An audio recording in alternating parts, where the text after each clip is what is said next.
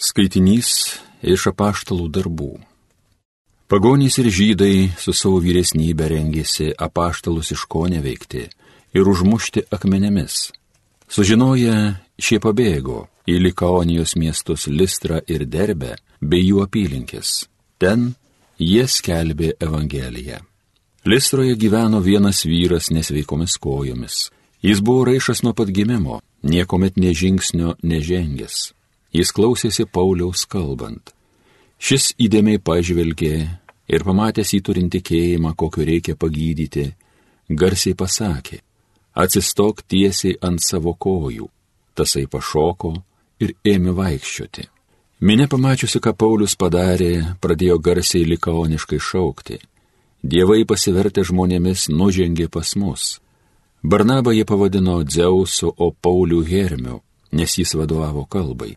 Priemestį esančios Dzeusų šventyklos kunigas liepė prie didžiųjų vartų atvaryti jaučių papuoštų vainikais ir norėjo kartu su minė juos paukoti. Sužinoję apaštalai Barnabas ir Paulius, perplėšė savo drabužius ir šoko prie minios šaukdami, vyrai, ką darote, juk mes tokie patys mirtingi žmonės kaip ir jūs, tik mes jums kelbėme gerąją naujieną kad nuo šitų tuštybių atsiverstumėte į gyvąjį Dievą, kuris sutvėrė dangų, žemę, jūrą ir visą, kas juose yra. Praėjusiais amžiais jis buvo leidęs visoms tautoms žygiuoti savais keliais. Vis dėlto jis nepaliko savęs nepaliudyto geradarybėmis. Iš dangaus duodavo jums lietaus ir vaisingų metų, teikė maisto ir širdies džiaugsmo. Tai dėstydami, jie du šitaip perkalbėjo mines, kad jiems neaukotų.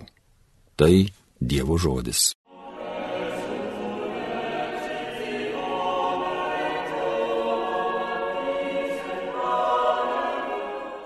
Ne mums, o viešpatie Dieve, lai tavo vardui didi šlovė būna. Ne mums, vai ne mums, o viešpatie Dieve, lai tavo vardui didi šlovė būna, dėl tavo malonės ištikimybės. Pagonys tegu neburnoja, kurgi tasai jūsų Dievas. Ne mums, o viešpatie Dieve, lai tavo vardui didi šlovė būna. Mūsų Dievas dangui viešpatauja, ką jisai nutarė, tą ir padaro. Pagonių stabai iš aukso sidabro, žmogaus rankų jie padaryti. Ne mums, o viešpatie Dieve, lai tavo vardui didi šlovė būna. Tegu jūs laimina viešpats, dangaus ir žemės kūrėjas, dangus yra Dievo buveinė, žmonėms jis atidavė žemę. Ne mums, o viešpatie Dieve, lai tavo vardui didi šlovė būna.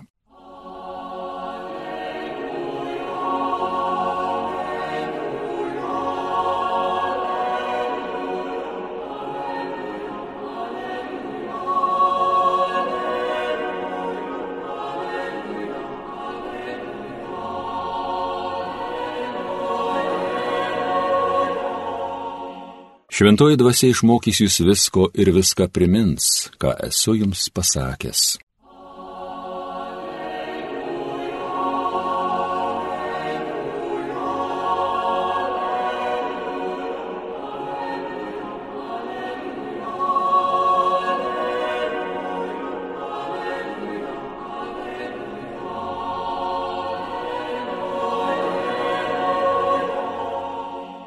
Iš Evangelijos pagal Joną. Kas pripažįsta mano įsakymus ir jų laikosi, tas tikrai mane myli. O kas mane myli, tą mylės ir mano tėvas. Aš jį mylėsiu ir jam apsireikšiu. Judas, nenasis karijotas, paklausė, viešpatė, kas atsitiko, jog ketini apsireikšti mums, o ne pasauliui. Jėzus jam atsakė, jei kas mane myli, laikysis mano žodžio ir mano tėvas jį mylės mes pasieteisime ir apsigyvensime. Jei kas manęs nemyli, mano žodžių nelaiko, o žodis, kurį girdėjote, ne mano, bet tėvo, kuris yra mane siuntęs. Aš jums tai pasakiau būdamas pas jūs, o globėjas šventoji dvasia, kurį mano vardu tėvas atsiūs, jis išmokys jūs visko ir viską primins, ką esu jums pasakęs.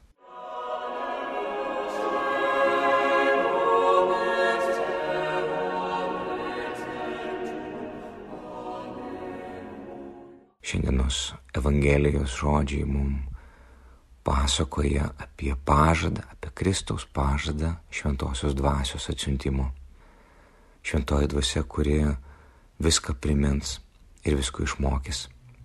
Labai dažnai gyvenime atsitinka, bažnyčios gyvenime, kad mes mylėdami Dievą ir norėdami jam tarnauti, tai kaip, kaip tos dvi seserys, Morta ir Marija, mes kaip Morta ruošiame, darome, katechezės, įvairiausi darbai, rūpeščiai, bažnyčios, strategijos. Ir visa tai yra aišku iš meilės Kristui. Bet užmirštam patį svarbiausią dalyką, ko nepamiršo Marija, tai yra šventoji dvasia. Visa tai, ką mes galim padaryti dėl Dievo, yra iš Dievo. Mes nieko negalim padaryti iš savęs. Arba tai bus tiek nedaug ir gal netgi labiau kliūtis, o ne galimybė, o ne tiltas. Jeigu miesto Dievas nestato, veltui statytojai vargsta. Ir dėl to visos tos mūsų statybos nesibaigiančios. O jų yra begalybės, begalybės. Negali baigti čia kaip, kaip kompiuterio ekranas atidarytas su šimtais darbų puslapių, kuriuos reikia padaryti ir tu tiesiog fiziškai jau nebespėjai ir kuo daugiau darai, atrodo dar daugiau, dar daugiau, dar daugiau, pagauna nuovargis, pagauna liudesys, pagauna nepasitenkinimas, nes rezultatas, ko, kiek tu be padarytum, visinis nėra, nėra pilnas. Jis yra, atrodo, kuo toliau, tuo daugiau ir dar daugiau ir dar daugiau ir, ir aplink tave nelaimingi žmonės, nes tu nebespėjai ir darbai padaryti nekokybiškai ir, ir nebe, tai nebeteikia džiaugsmo. Nuovargis, begalinis nuovargis, nusivilti, toks pragaro jausmas. Ir mes negalim išeiti iš pragaro savo jėgomis. Čia yra tik šventosios dvasios malonė. Mes galim bandyti ignoruoti visus tos dalykus, iš viso nieko nedaryti, bet tada įkrisime į kitą pavojų, tai yra abejingumą, kuris yra meilės priešingybė. Tai yra mirtis. Ir vienintelis kelias, kurį mes turime, tai yra kelias su šventąją dvasia. Tai yra melstis taip nuoširdžiai ir nuolankiai kad Dievas padėtų mums atpažinti, kokie yra prioritetai kiekvieno iš mūsų, ką mes turime padaryti.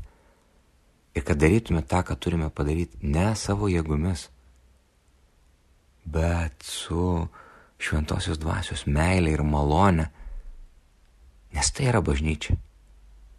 Ir tada, jeigu mano žodžio laikysitės, aš apsigyvensiu jumise, su tėvu ateisime į svečius ir vakarieniausime būsite komunijoje su mumis, būsite bendrystė.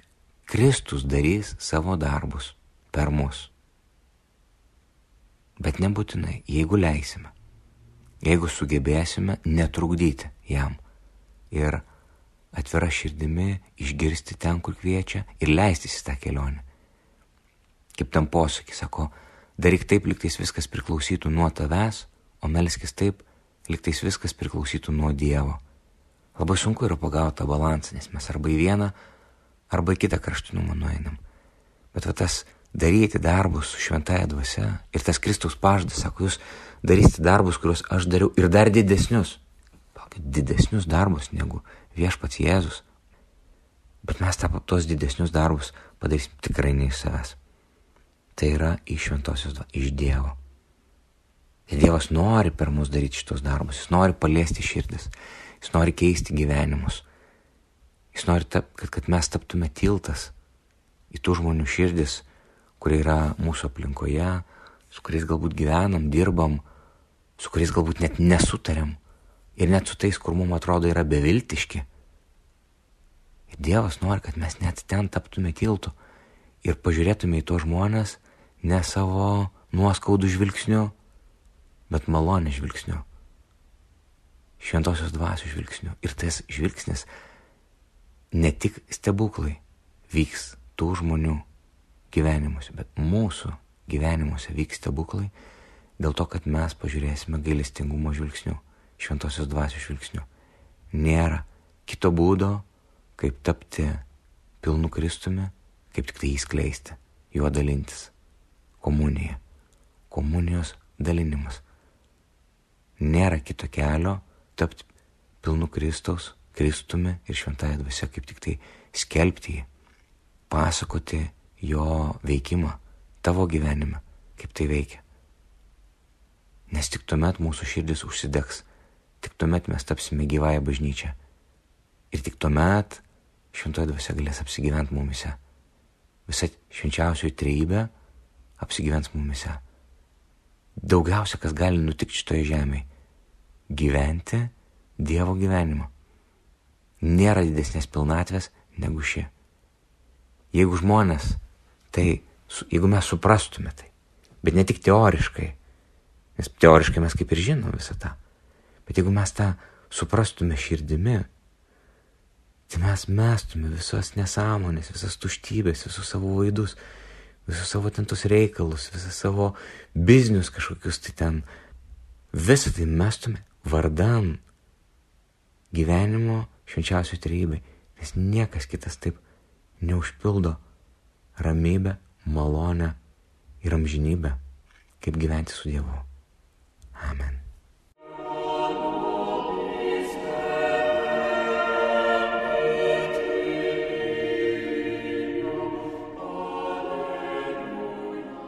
Homilyje sakė kunigas Algirdas Toletas.